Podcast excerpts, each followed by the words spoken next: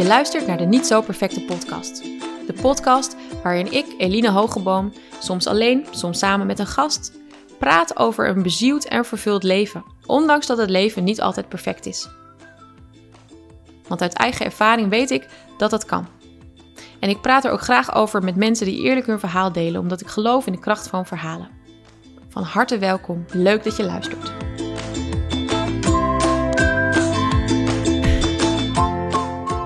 Is de gast in de Niet Zo Perfecte podcast Gabrielle Dik.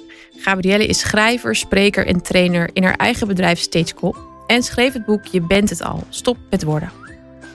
Ze is getrouwd met Tim en moeder van een zoon van 20. Ze noemt zichzelf gepassioneerd, verbindend, positief, sensitief, doelgericht en creatief. En ze houdt erg van Italië. Welkom Gabrielle. Dankjewel. Wat leuk dat je er bent. Nou, ik vind het leuk hier te zijn. Had eigenlijk iets in het Italiaans moeten zeggen om jou welkom te Nou, heten. probeer het eens. Bienvenuto. Nou, Zoiets? grazie, grazie. Grazie. Wat is het? Wat is het? welkom, welkom. Ja, maar Ja, wat jij bienvenuto, hoe zeg je dat? Zoiets. Eh, benvenuto. Benvenuto. Ja, Ja, ja, jij hebt echt cursussen en zo gevolgd. ja, ja, ja. Ja, leuk. hey, wat tof dat je hier bent. Ja, ik vind het ook leuk om hier te zijn. Ja, we gaan het wel in het. Nederlands doen. Oh, Ja? oké. Dat is dan weer jammer. Ik had het ook niet ver gered. Verder dan dit kom ik niet. Nee. Hey, ehm, ja, we beginnen deze podcast altijd met een niet zo perfect moment. Ja. Heb jij zo'n moment? ja, tuurlijk. Iedereen heeft zoveel momenten, maar ik ook. Eh, maar als ik echt aan een niet zo perfect moment denk, dus echt een blunderachtig iets, ja, dan moet ik alles aan één ding denken. Die komt altijd weer terug. Ja. Maar dat is al jaren geleden. Toen eh, stonden mijn man en ik een keer bij een roofvogelshow. En eh daar wa- ja, dat weet je wel, dat is heel spectaculair. Er stonden heel veel mensen. Het was ook heel erg druk. En er stond een man een beetje schuin voor mij. Maar op de een of andere manier, ik had het idee dat dat gewoon Tim, mijn man, was. Dus op een gegeven moment leg ik zo mijn hand op zijn kont. En ik weet niet meer, maar hij draaide zich ook niet om. Maar Tim zag het. Die stond achter mij. Nou, en die, die gaf me toch een tik op mijn arm. Gewoon uit het pure van... Wat doe Hij jij? zei ook, serieus, wat doe jij nou? en, ik, en ik weet nog, ik zie het zo voor me. Want ik schiet dan gewoon in de lach. En daar kom ik gewoon niet meer bij. Oh, Terwijl hij heel geïrriteerd stond Ja. te kijken. En dat maakt me gewoon nog dan... Ja. Ja, dan ga je nog meer lachen. Ja, oh, wat heerlijk. En de man zelf? Nee, de man zelf had gewoon niks door. Nee. Ik denk dat hij dacht van, dat is mijn vrouw of zo. Of lekker Die of werd zo. dagelijks op. Was Ga het in door. Italië toevallig? was in Nederland. Oh, Tijdens een beurs. oh wat geweldig. Ja. Ja. die was het waarschijnlijk gewend dan gewoon. Ja, dat denk ik. Zo van lekker. Ga Oh, wat door, heerlijk. Ja. Ja. Oh. Ja, Oh, leuk. oh. Nou ja, ik dacht misschien geef jij wel helemaal geen antwoord op deze vraag. Want in jouw boek Je bent het al. We gaan het daar zo ook nog meer over hebben. Daar heb je Ja. natuurlijk ook over van... Hè, laten we niet zo eh, eh, dingen als falen bijvoorbeeld benoemen. Ja, Maar laten we... Ja, hoe zeg je dat? Ja, nou, ik, eh, falen hoor je natuurlijk heel veel. Het woord falen wordt zoveel gebru- gebruikt. Ik val, eh, weet je wel, of ik heb gefaald. En ehm, ik vind ergens wel een verschil zitten tussen fouten maken en fa- falen. Mhm. Ik vind, misschien is het gewoon een psychologische lading of zo.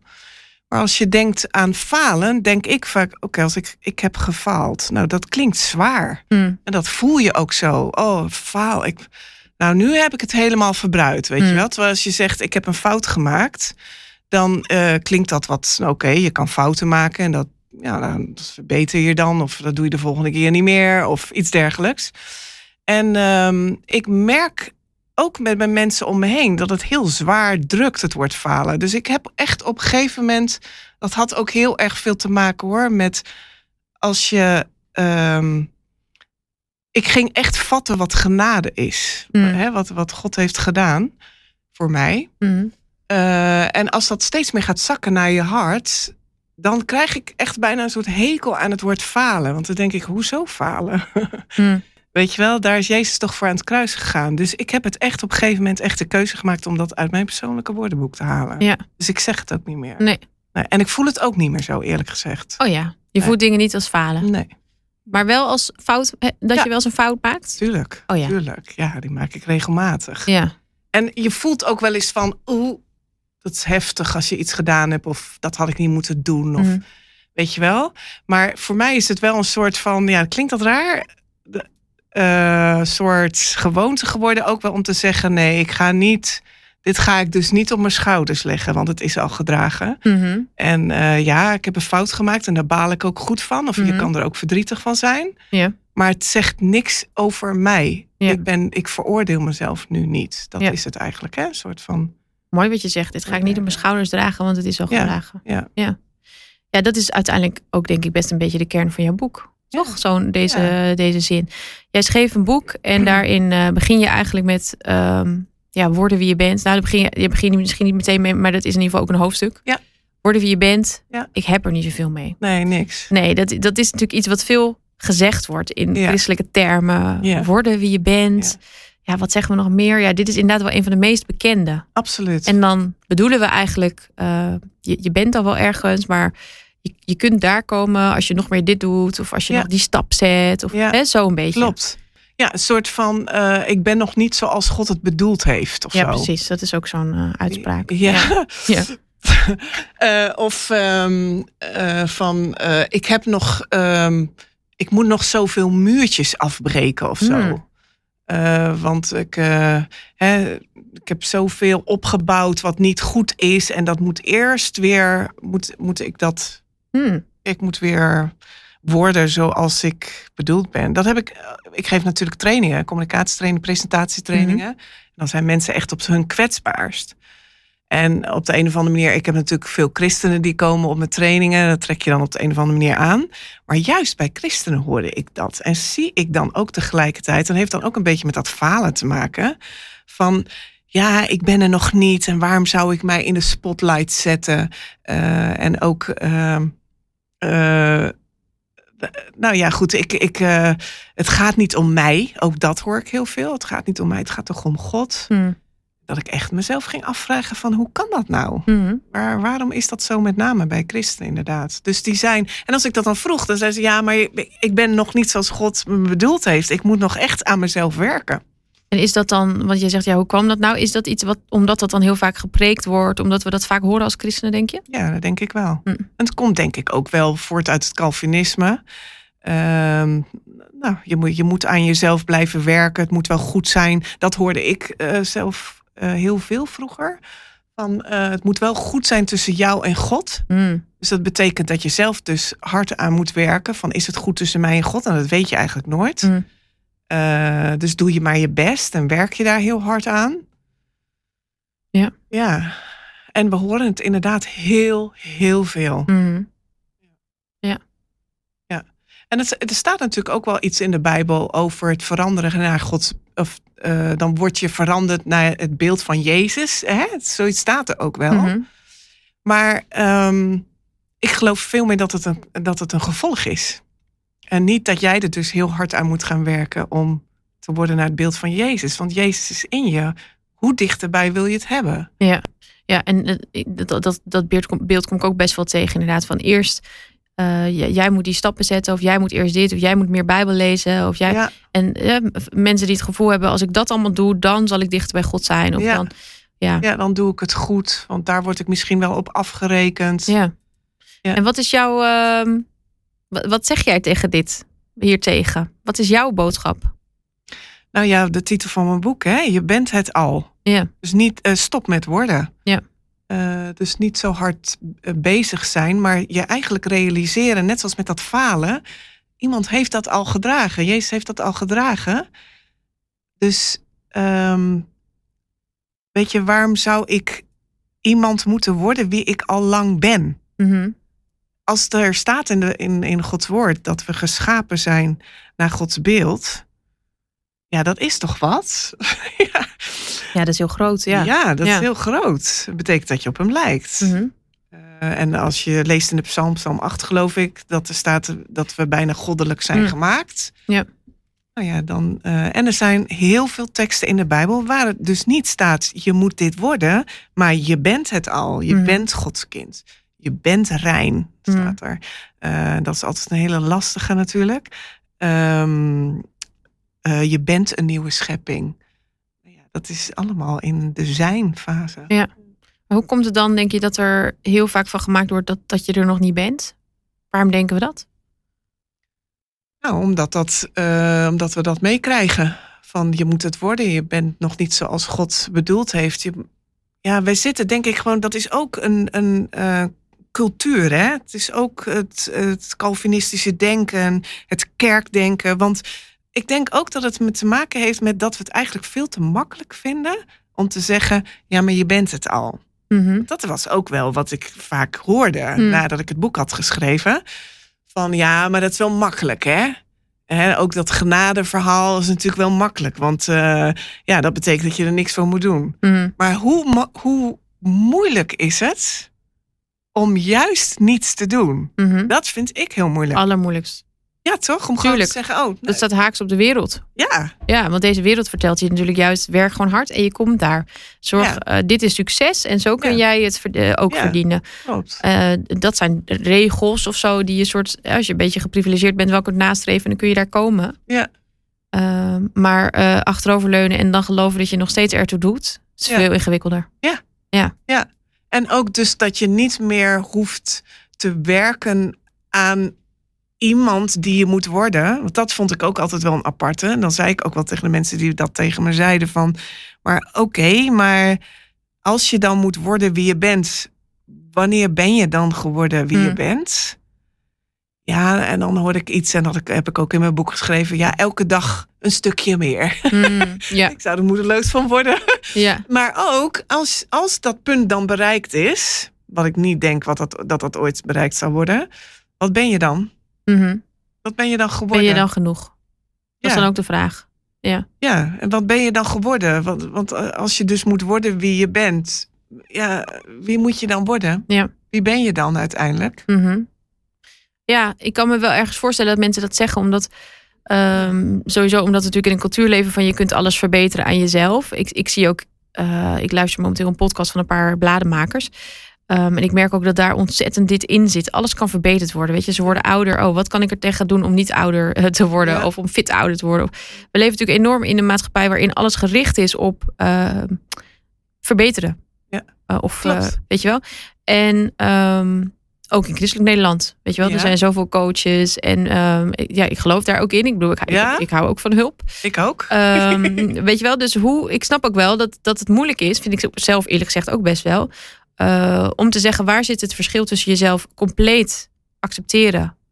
Ja, of noem jij het zo accepteren of is het iets anders? Is het misschien dieper, compleet genade eigenlijk erva- hè, ervaren? Ja. Ik, denk, ik vind het heel mooi. Ik las laatst een quote van Paul Jong, die, die, Ja? Die eh, de uitnodiging heeft Mm. geschreven. Ja. En die zei van life is not about perfection. Mhm. Life is about wholeness. Mm. Dus heelheid. En ik denk dat dat het Ja. is. Ik voel daar heel erg een klik mee. Mm. Ja, Want mooi. als jij dan hebt over van inderdaad eh, hulp en coaching en dingen. Nou, ik ook. Ik ga ook eh, af en toe naar een coach hoor. Mhm. En dat heb ik in het verleden ook wel eh, veel gedaan. Maar om heelheid te krijgen. Want dat is het. Het is inderdaad van. ehm, hè, toen we geschapen werden, zei God: Het is goed. Het is zeer goed zelfs. En, en je, je groeit op. En, je, en daar gaat trouwens mijn volgende boek over. Ja. Maar je krijgt allerlei ehm, boodschappen mee. Eh, hè, van ouders, verzorgers, van mensen om je heen. En die, eh, daar, daar wo- word je door verwond. Mm. Ga je geloven. En je gaat je er zelf naar gedragen. Ja. Dus ik denk dat hey, je, je, je plaatst misschien wel zoveel op je schouders... dat je dus niet meer ziet wie je bent. Ja. En daar hebben we dus iets omheen gemaakt van... dus je moet worden wie je bent. Maar eigenlijk is het weer... je mag gaan zien wie je werkelijk was of Ja. bent. Door Jezus ogen eigenlijk. Ja. Ja.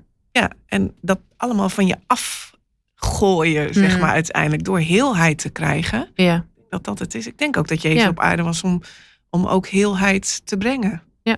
Dat dat ook ons doel is. Mhm. Heelheid ontvangen en, heelheid uitgeven. Ja, precies. En, en is dat dan hier op aarde, denk je, haalbaar? Om helemaal heel te worden? Weet ik niet. Eh, dat is een goeie. Kun je iets- noemen wat, wat bij jou dan Ja. bijvoorbeeld eh, recent of, Ja. of geheeld eh, voelt? Ja. Wat eerst niet zo voelde? Ja. Nou, ik heb natuurlijk 25, 30 jaar in angst geleefd. Echt vette angst hoor. En ehm, eh, ja, altijd maar van, doe ik het goed? Eh, ben ik op de juiste weg? Vindt God nog dat ik in zijn plan wandel. Want dat is natuurlijk ook een enorm ding binnen christelijk Mm. Nederland. Ehm, en daar gewoon echt finaal door in de kramp raken. Ehm, Misschien, eh, je beschrijft het in je boek. Ik heb Ja. het gelezen. Misschien is het mooi om daar iets over te vertellen. Hoe dat bij jou is veroorzaakt. Ja. Nou, ik eh, werd geboren met een eh, hersenbeschadiging. Dus mijn moeder die had zwangerschapsvergiftiging, het HELP-syndroom. Dus dat is een behoorlijke erge vorm van zwangerschapsvergiftiging. En zij kreeg op een gegeven moment eclampsie, van die soort epilepsie in je, in je baarmoeder. Dus ik moest eerder gehaald worden. En toen ben ik gelijk eigenlijk naar een ander ziekenhuis gebracht. Omdat het ziekenhuis waar mijn moeder lag, hadden ze niet de juiste apparatuur. En toen heb ik drie maanden in dat andere ziekenhuis gelegen, ehm, in de couveuse. En de dokters die hadden eigenlijk al van tevoren al gezegd van, nou ja, of ze komt niet levend eh, op, op deze aarde, of ze is zwaar gehandicapt. Dus dat klopt ook wel. Ik, ik, hè, mijn hand was helemaal verdraaid en mijn ogen nou, stonden de verkeerde kant op. eh, mijn tong hing uit de mond. En, Mm. nou ja, gewoon heel heftig. Ehm, en door een wonder ben ik genezen. Dat daar, daar, daar snappen de artsen ook echt helemaal niks van Hmm. hoe dat is eh, gekomen. Ehm, en ehm, wat, wat natuurlijk prachtig is, hè, na een jaar moest ik weer een, een scan eh, voor mijn hoofd. En daar was gewoon echt niks meer op te zien. Dus dat is heel bijzonder. En je groeit op. En, en dat was natuurlijk altijd wel een bijzondere gebeurtenis in, in ons gezin. Mijn moeder die getuigde daar ook altijd wel over. En mijn vader die had zijn leven aan God gegeven. Eh, dat was voorheen ook niet zo. Ehm, dus dat is wel een bijzonder ding geweest. Maar voor mij persoonlijk ehm, ging het echt op mijn huid zitten. Dat ik dacht van oké, dus als ik dan genezen ben, moet ik wel iets terug doen. Toch? Ja, je gaat ergens zo. Ik ben hier niet voor niks op deze aarde. Mm, en dan komt ja. dat plan van God er nog bij kijken. Ja. Waar ik elke conferentie en in de kerk en noem maar op. eh, het altijd hoorde, nou God heeft echt wel een plan met je leven hoor. Mm. Want je bent op zo'n bijzondere manier op de aarde gekomen. Ja, en dan, ehm, en dan gaat het mis. Mm. En zeker omdat ik een heel gevoelig meisje was en ben. ehm, ja, ben je bang dat je het fout doet. Dat was het. Van loop ik echt, ben ik in dat plan? En toen gingen er enorme angsten bij mij komen. Want ik dacht, oké, dus als er een plan van God is. Dus ik, ik had ook een, echt zo'n ander beeld van God dan dat ik nu heb. Hm. Van dan, dan moet ik waarschijnlijk ook de zending in. Ik ben nu 51. Nou, vroeger was zending altijd een enorm ding. Dat is Hm. misschien wat minder nu. Maar, ehm, en dan dacht ik, oh, dan moet ik zeker iets gaan doen wat ik niet leuk vind. Want zo werkt dat. Moet je iets kosten. Ja, het moet je iets kosten, inderdaad. Dus ik ging dingen in mijn hoofd bedenken. Zoals naar India gaan. Nou, dat leek me echt de, worst of eh, wat je maar kon bedenken. Gewoon lawaai en vies en, en veel mensen. En dan iets in de zorg dan waarschijnlijk. Dat is een soort moeder Teresa uit Ja. dergelijks. En ik heb een tijd ook, het klinkt echt belachelijk als ik het nu zeg. Maar ik heb ook wel gedacht van, ik moet vast het klooster in. Mm. Ik moet me terugtrekken, afzonderen. En ehm, En ook, dus ook daarop van invloed op jouw angsten waren dus ook woorden die gezegd werden inderdaad. Dus eh, Ja. van die grote woorden van God heeft een plan met jou. Ja. Of, dat, Ja. dat legde eigenlijk een soort druk. ja, legt een enorme druk. Ja. Hoe kijk je daar dan nu naar? Ik bedoel, er zijn nog steeds natuurlijk veel kerken waarin dit soort dingen worden gezegd. Vind je daarvan? Ja, goede vraag. Eh, wat vind ik daarvan? Ik vind dat een lastige. Ik vind dat echt een lastige. Eh, want ik geloof ergens wel dat, je, hè, dat mensen een verlangen hebben om bijvoorbeeld, als ze een verlangen hebben om naar bijvoorbeeld een bepaald land te gaan of daar de zending in te gaan. Ja, dan zal ik de laatste zijn die zegt van dat is niet zo. Maar om dat wel constant uit te spreken en te preken en dat, dat je dat doet vanwege een soort schuldgevoel, dat vind ik een heel ander ding. Mhm. En daar geloof ik ook echt niet in. Gewoon. Nee, het is natuurlijk een verschil van heb, ervaar je een roeping eh, vanuit vrijheid of zo. En dat je echt Belangen. denkt, ja, dit legt God op mijn hart. Ja. Eh, in plaats van dat je natuurlijk heel de tijd een druk voelt van God heeft een plan met jou. Wat ik op zich ook interessant vind, omdat ik denk, God heeft met iedereen een plan. Dus waarom zou hij Ja. met de ene een groter plan hebben dan Ja. eh, als dit soort dingen gezegd worden, bedoel ik. Nou, het is maar hoe je dat opvat. Want ik moet eerlijk zeggen dat ik dat niet geloof. Ik Nee? geloof niet dat God met iedereen een plan heeft. Nee. Hoe zie jij dat dan voor je? Nee. Ehm, ik geloof dat God een plan met iedereen heeft in de zin van dat zijn plan de relatie was. Eh, dus hij schiep ons en dat was het doel. Ja. Wandelen met hem, spreken met hem, zijn met hem, eh, leven met hem. Ja. Je leven delen met hem. Ja. Ik denk dat dat het plan is. Ja. Want je leest namelijk nergens in de Bijbel dat God een plan met ieders leven Hmm. heeft. Dat staat er gewoon niet. Er staat natuurlijk iets in Jeremia 29, eh, vers 11 Heb geloof ik. een hoopvolle toekomst Ja, een hoopvolle toekomst. En dat geloof ik ook. Maar Mhm. ten eerste was dat een tekst ook wel echt bedoeld voor het volk Israël. Ja. Ja. Ehm, Ik vind het wel mooi dat je het zegt. Mijn broer heeft wel eens gezegd, die is theoloog.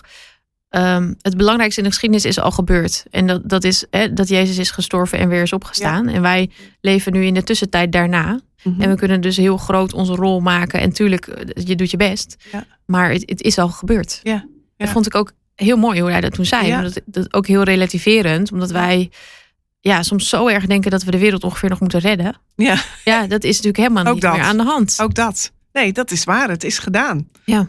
Ja. En eh, dat klopt. Dus daar, daar heeft. Kijk, ik heb toen ook hulp gezocht. Want ik, als je Hmm. zoveel angsten hebt, dan denk je. En mensen zeiden ook wel: ja, maar God is niet zo. God is niet zo. Mm, En dacht ik altijd: ja, God is zeker niet zo voor jou. mm, Maar met mij heeft hij toch echt iets heel speciaals gedaan.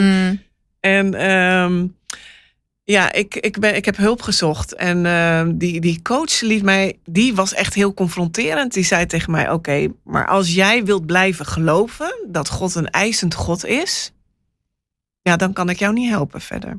Hm. Toen dacht ik: Oké, interessant. Ja. En, eh, toen liet ze mij eh, een foto zien uit, eh, uit een boek van Carolyn Leaf, eh, hè, neurowetenschapster. En daar staan dus foto's in dat boek van, je, van iemands hersenen. Dus je kan Mhm. dus ook precies zien of iemand negatieve gedachten eh, voedt, veel heeft of niet. Of dat je een gezonde Ja, aan de hersenstructuur. Aan de dat- hersenstructuur. Dat, vond ik een heel mooi stukje. Komt ook omdat ik momenteel nogal in de bomen zit. Oh ja?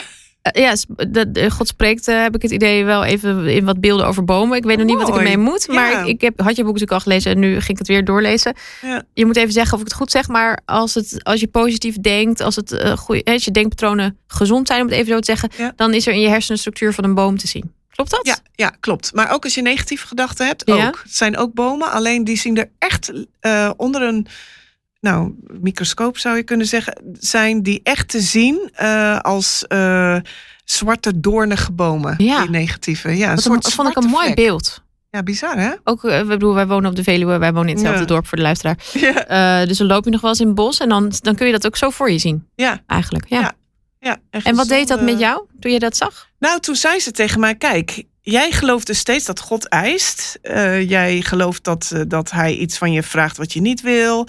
Jij voedt dat, je blijft dat maar voeden. eh, door dat constant te denken. En dat waren overtuigingen geworden. Hè? Gedachten worden overtuigingen als je er een waarheid aan koppelt. En ehm, toen zei ze van, weet je wat dat doet met je lijf? En ze zegt, die angst komt daaruit voort. Maar kunnen ook andere dingen uit voortkomen. Ziekte en pijn in je lijf en weet ik het. Mm. En toen liet ze me dus die foto's zien van iemand die dus negatief denkt. En toen zag ik dat en toen zei ze, weet je dat jij de enige bent die dit kan veranderen? Toen dacht ik, mijn hemel joh. Mhm. Toen zei ze ook, maar ja, maar het is ook bijbels. Hè, eh, wordt hervormd door de vernieuwing van je denken. En toen zei ze, ehm, het vernieuwen van je denken is in de grondtekst een actief woord. Dus dat betekent dat je dat zelf moet doen. Mm. Dus wat ik heel vaak gehoord heb, ja, maar God moet dat doen. Mm. Je moet je gedachten veranderen. En eh, dat is dus echt niet zo, hè? Ehm, eh, dus, nou, eh, en dan wordt hervormd is een passief woord. Her, hervormd Ja. is dus dat je dus veranderd wordt doordat je je gedachten gaat veranderen. Dus toen zei ze, ja, het is aan jou, hè? Wat jij wil.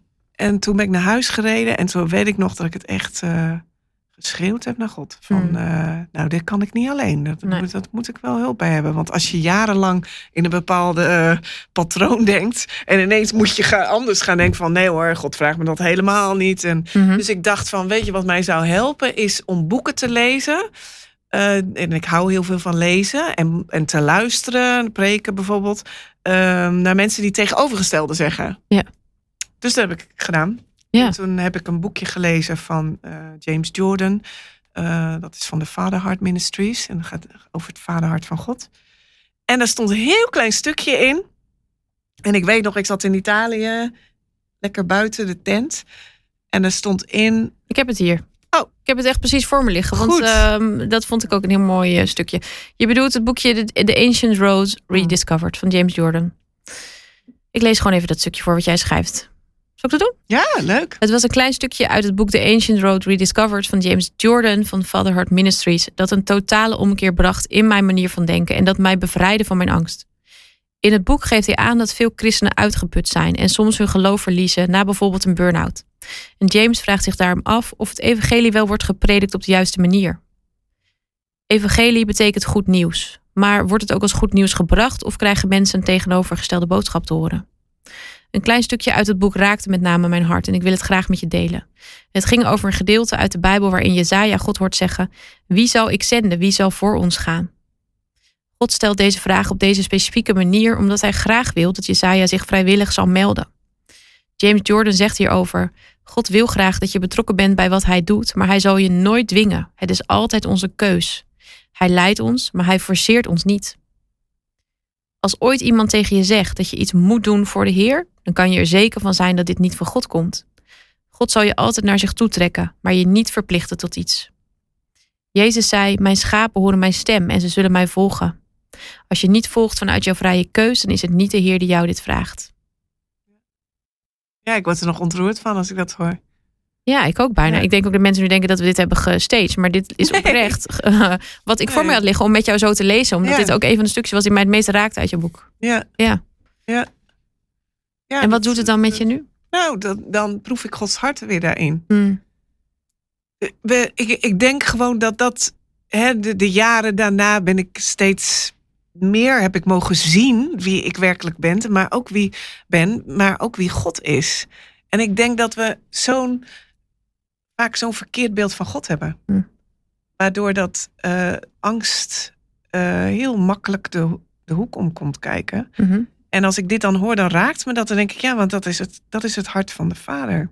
Ook Zal je dat zachte. Dwingen. Ja, Het zachte vond ik hier ook zo mooi in. ja, Ik, ik heb het denk ik ook, viel het me extra op, omdat ik net nog een aantal vrouwen in een groep heb gehad, waar, waar er ook een aantal echt heel erg worstelden met het plan van God. Ehm, en ik zie dat daar dat het heel veel pijn veroorzaakt en heel Ja. veel teleurstelling vooral. Heel veel, Ja, oh, als ik dat. nou eerder die afslag had genomen, dan had ik Oh. misschien al daar geweest. Of Ja. eh, help, als ik nu hiermee stop, ja, wat vindt God daar dan van? Wat, wat, wat heeft dat voor gevolgen voor het koninkrijk van God? Ehm, ik zie dat het heel erg veel druk op, op het leven van vrouwen legt. absoluut. En hieruit spreekt zo'n zachtheid. Ja, Hè, ook over die schapen. En ja, kom maar achter mij aan. ja. Ehm, maar niet Ja. om, om in. Ja, ik denk dat het zo waar is ook. Ja. Ja. Ja, ik ook. En daarom geloof ik dus niet in het plan van God voor Mm. iedereen. Want wat zou dat betekenen? Dat zou betekenen dus dat er al iets vast is eh, gelegd bij jouw geboorte. Mm. En dat jij als het ware een soort van. Eh, dat je dus niet een relatie vader-kind hebt, maar een soort bijna gereedschap bent. Mm. Van ik ga jou gebruiken. Ik moet er niet aan denken dat ik tegen onze zoon Luca zou zeggen: Het zou mooi zijn als je heel veel op mij gaat lijken en dat je daar erg je best voor doet. Dus dat, en dat je dingen voor mij gaat doen, zodat ik daardoor. ja. Meer van je hou. Ja, Nee, dat is een voorwaardelijkheid eigenlijk. Hè? ja, Ja. ja. Ja. En dat is nooit, nooit Gods bedoeling geweest. Nee. Nee, geloof ik echt niet. En hoe meer je. eh hebben mij gebeurde dat in één moment in Italië. Was, was echt bizar. Mm. Ik denk echt dat God met mijn hart gewoon toen zo geraakt heeft dat ik een soort van, ja, ik weet niet, een soort liefdeservaring had of zo. Maar dat ik ook echt zag van, dat ik dacht echt, die natuur die verandert hier helemaal. Het is echt nog groener dan het was. En Was dat dit moment? dat was dat moment. Je toen je dit las, Ja, voelde je het eigenlijk zo naar je hart. Dat was in zakken. één keer. Ja. Mm. En, ik heb En dat was in die tijd dat je dus aan het lezen was en hierover aan het ontdekken was nadat je bij die coach was geweest? Ja. En, en dus je zat in een proces. Nou, het was eigenlijk een veel korter proces. Want ik, ik was bij die coach geweest en toen zouden wij op vakantie gaan. En toen zij mij dit had laten zien, toen zei ze van, nou ja, dan moet jij dus echt zelf mee aan de slag. En toen zijn we op vakantie gegaan. En toen heb ik die boeken meegenomen. En dus ben ik gaan lezen. En toen zakte dat. Dat was toen. Dus het was ook echt, die 25 jaar angst voor God was echt in één klap weg. Ja. Ik wil niet zeggen dat ik nooit meer angst heb voor iets, maar voor God? Nee. Echt verdwenen. Dat was echt het begin van eh, God, ja, zijn hart eh, leren kennen en ervaren. Dus ja, voor mij zijn er zoveel dingen veranderd. Ja. En zoals? Mijn hele leven gewoon eigenlijk. ja, nou, ik, ik, ik merk dat ik, eh, dat ik soort van geland ben of zo. Ehm, en ook een, een, een soort zachtheid heb in mijn hart ook. Ja, en, en niets meer, ja, niet meer denk in termen als ik moet mijn stille tijd houden. Het is goed als ik dit doe. Ehm, eh, wat wil God van me? Het is een soort, het is veranderd in een, in een, hij is in mij en hij is naast mij. En ik wandel met hem en ik praat met hem. Maar ook als ik niet praat of niet Bijbel lees, is het ook helemaal oké. En wat zeg jij dan tegen mensen die tegen jou zeggen? Klinkt, ja, dat, dat klinkt toch wel makkelijk, Ja. omdat eh, je Ja. bent het al maar te, Ja. te accepteren. Of ja, jij hebt zo'n moment gehad, maar ik kan dat maar niet. Wat, wat zeg jij tegen zulke mensen? Ja.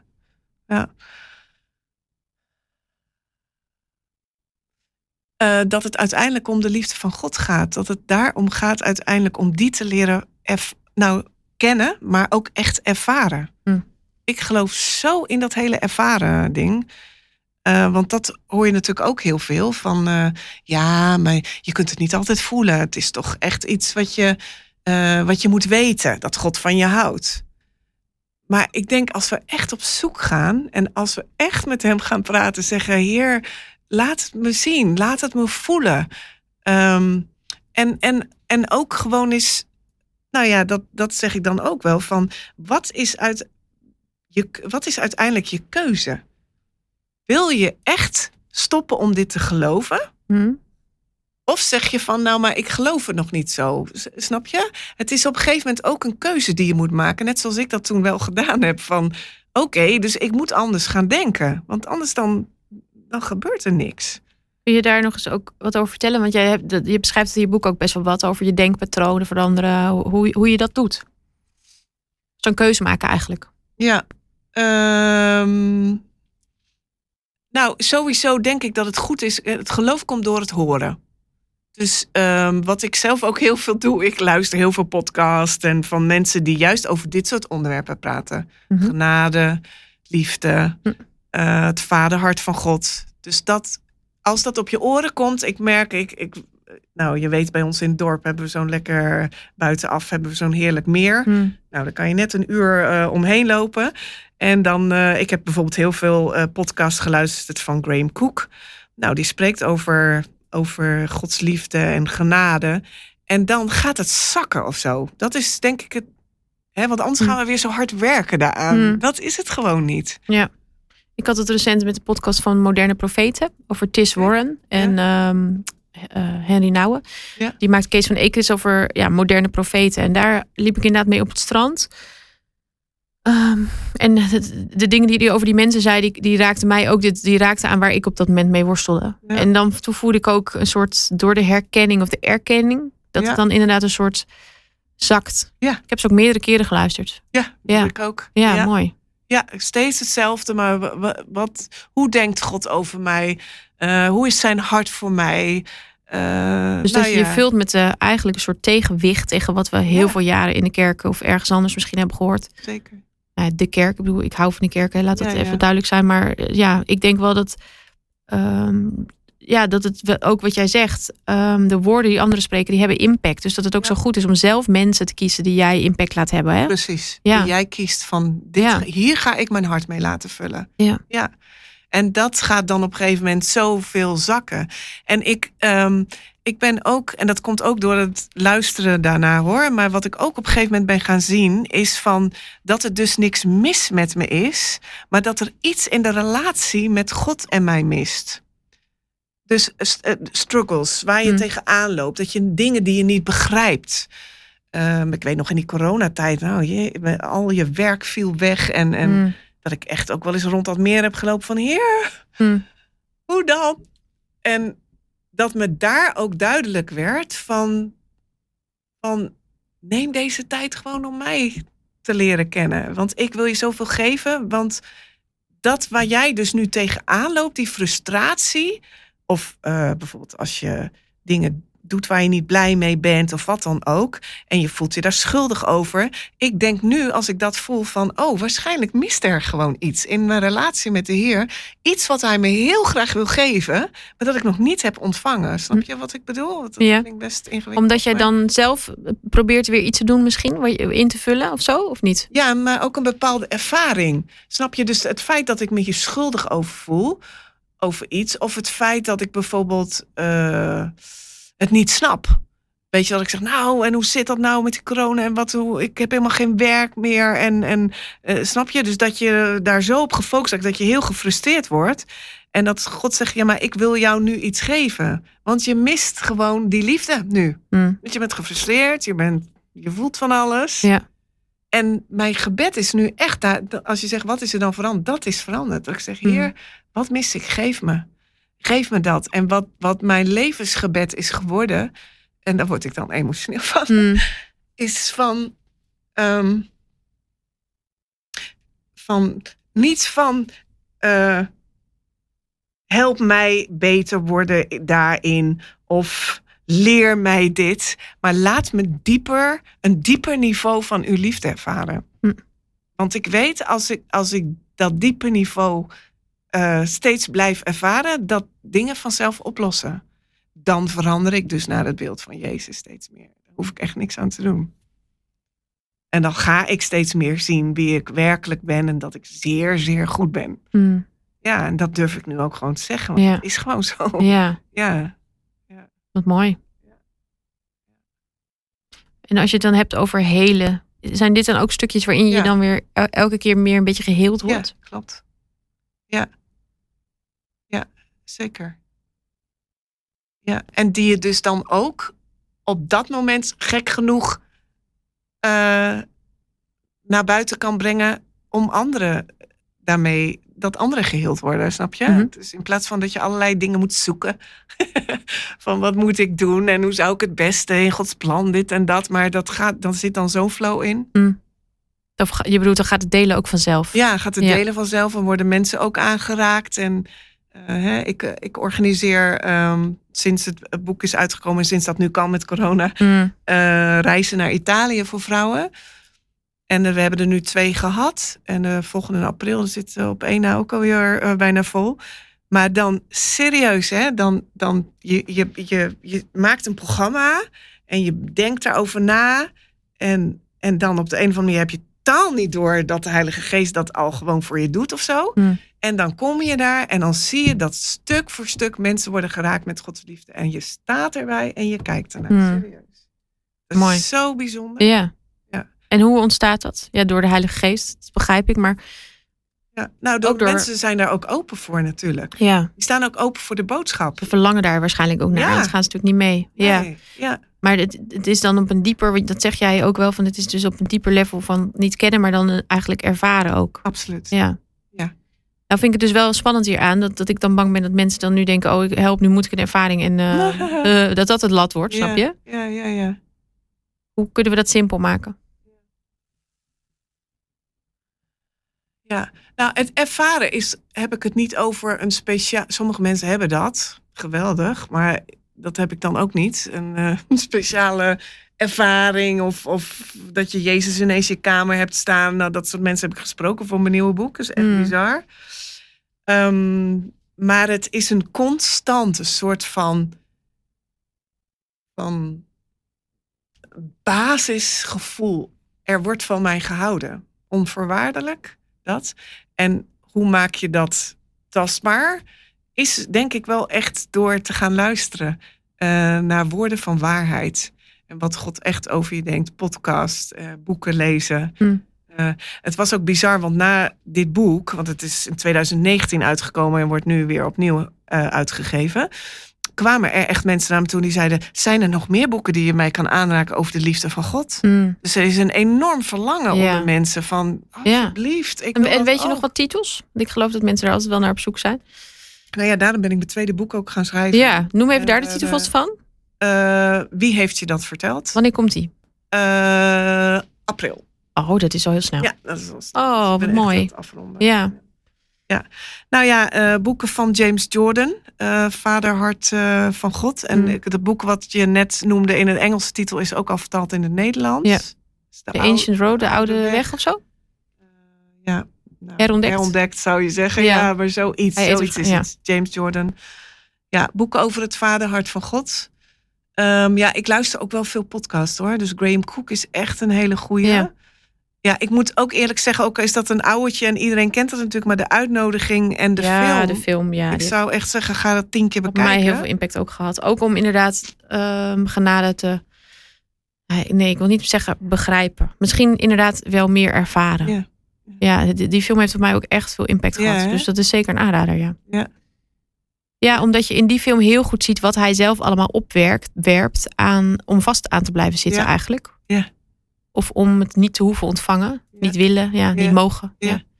En de liefde van God, die is daar zo zichtbaar in. Ja, ja. bizar. Ja, dat is absoluut een aanrader, ja. Mooi. En ik geloof wel dat, echt ook wel dat dat uh, de manier is waarop God met ons omgaat. Ja. Zoals daar wordt uitgebeeld in ja. Ja. Ik vond het ook het mooie dat daarin uh, God een vrouwenfiguur is. Ja, mooi hè? Ja. Uh, een zwarte vrouw. En um, dat, dat vond ik ook heel erg heel mooi, omdat er natuurlijk ook over mensen zijn beschadigd in hun vaderfiguur. Of, ja. Maar dat, ja, dat God ook, ook echt, denk ik, in de vorm komt waarin hij weet dat jij het nodig hebt. Ja. ja.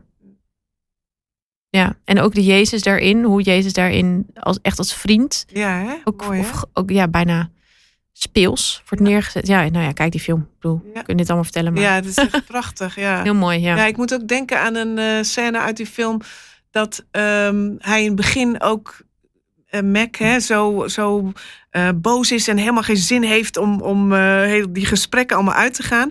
En dat de Jezusfiguur zeg maar op een gegeven moment zijn autosleutels zo naar hem toe gooit van oké, okay, hm hier zijn je auto, je mag zo je auto weer pakken en weggaan. Ja. Oh, dat deed me echt wat. Dat ik dacht van, zie, zo is dus God niet. Van, ik, ik moet je het moet. kosten wat het kost. Nee, dit is precies dat, uh, de schapen die achter me aangaan. Ja. Je mag. Ja. ja. Maar dat is dus echte liefde. Ja. Dat is pas echte liefde. En dat lijkt me dus voor een vader of voor God ook heel heftig. Mm. Dat je dus mensen moet laten gaan omdat je, met, omdat je hebt, nou afgesproken klinkt een beetje gek, maar omdat je uh, de, de, het geloof hebt dat je mensen dus niet aan je vast kan houden als ze niet willen. Ja. ja. Dat het dus echt gaat om liefde. Ja. Wat zou je nog willen meegeven? Wat, wat wil je zeggen tegen mensen die hiermee worstelen of, of dit ingewikkeld vinden?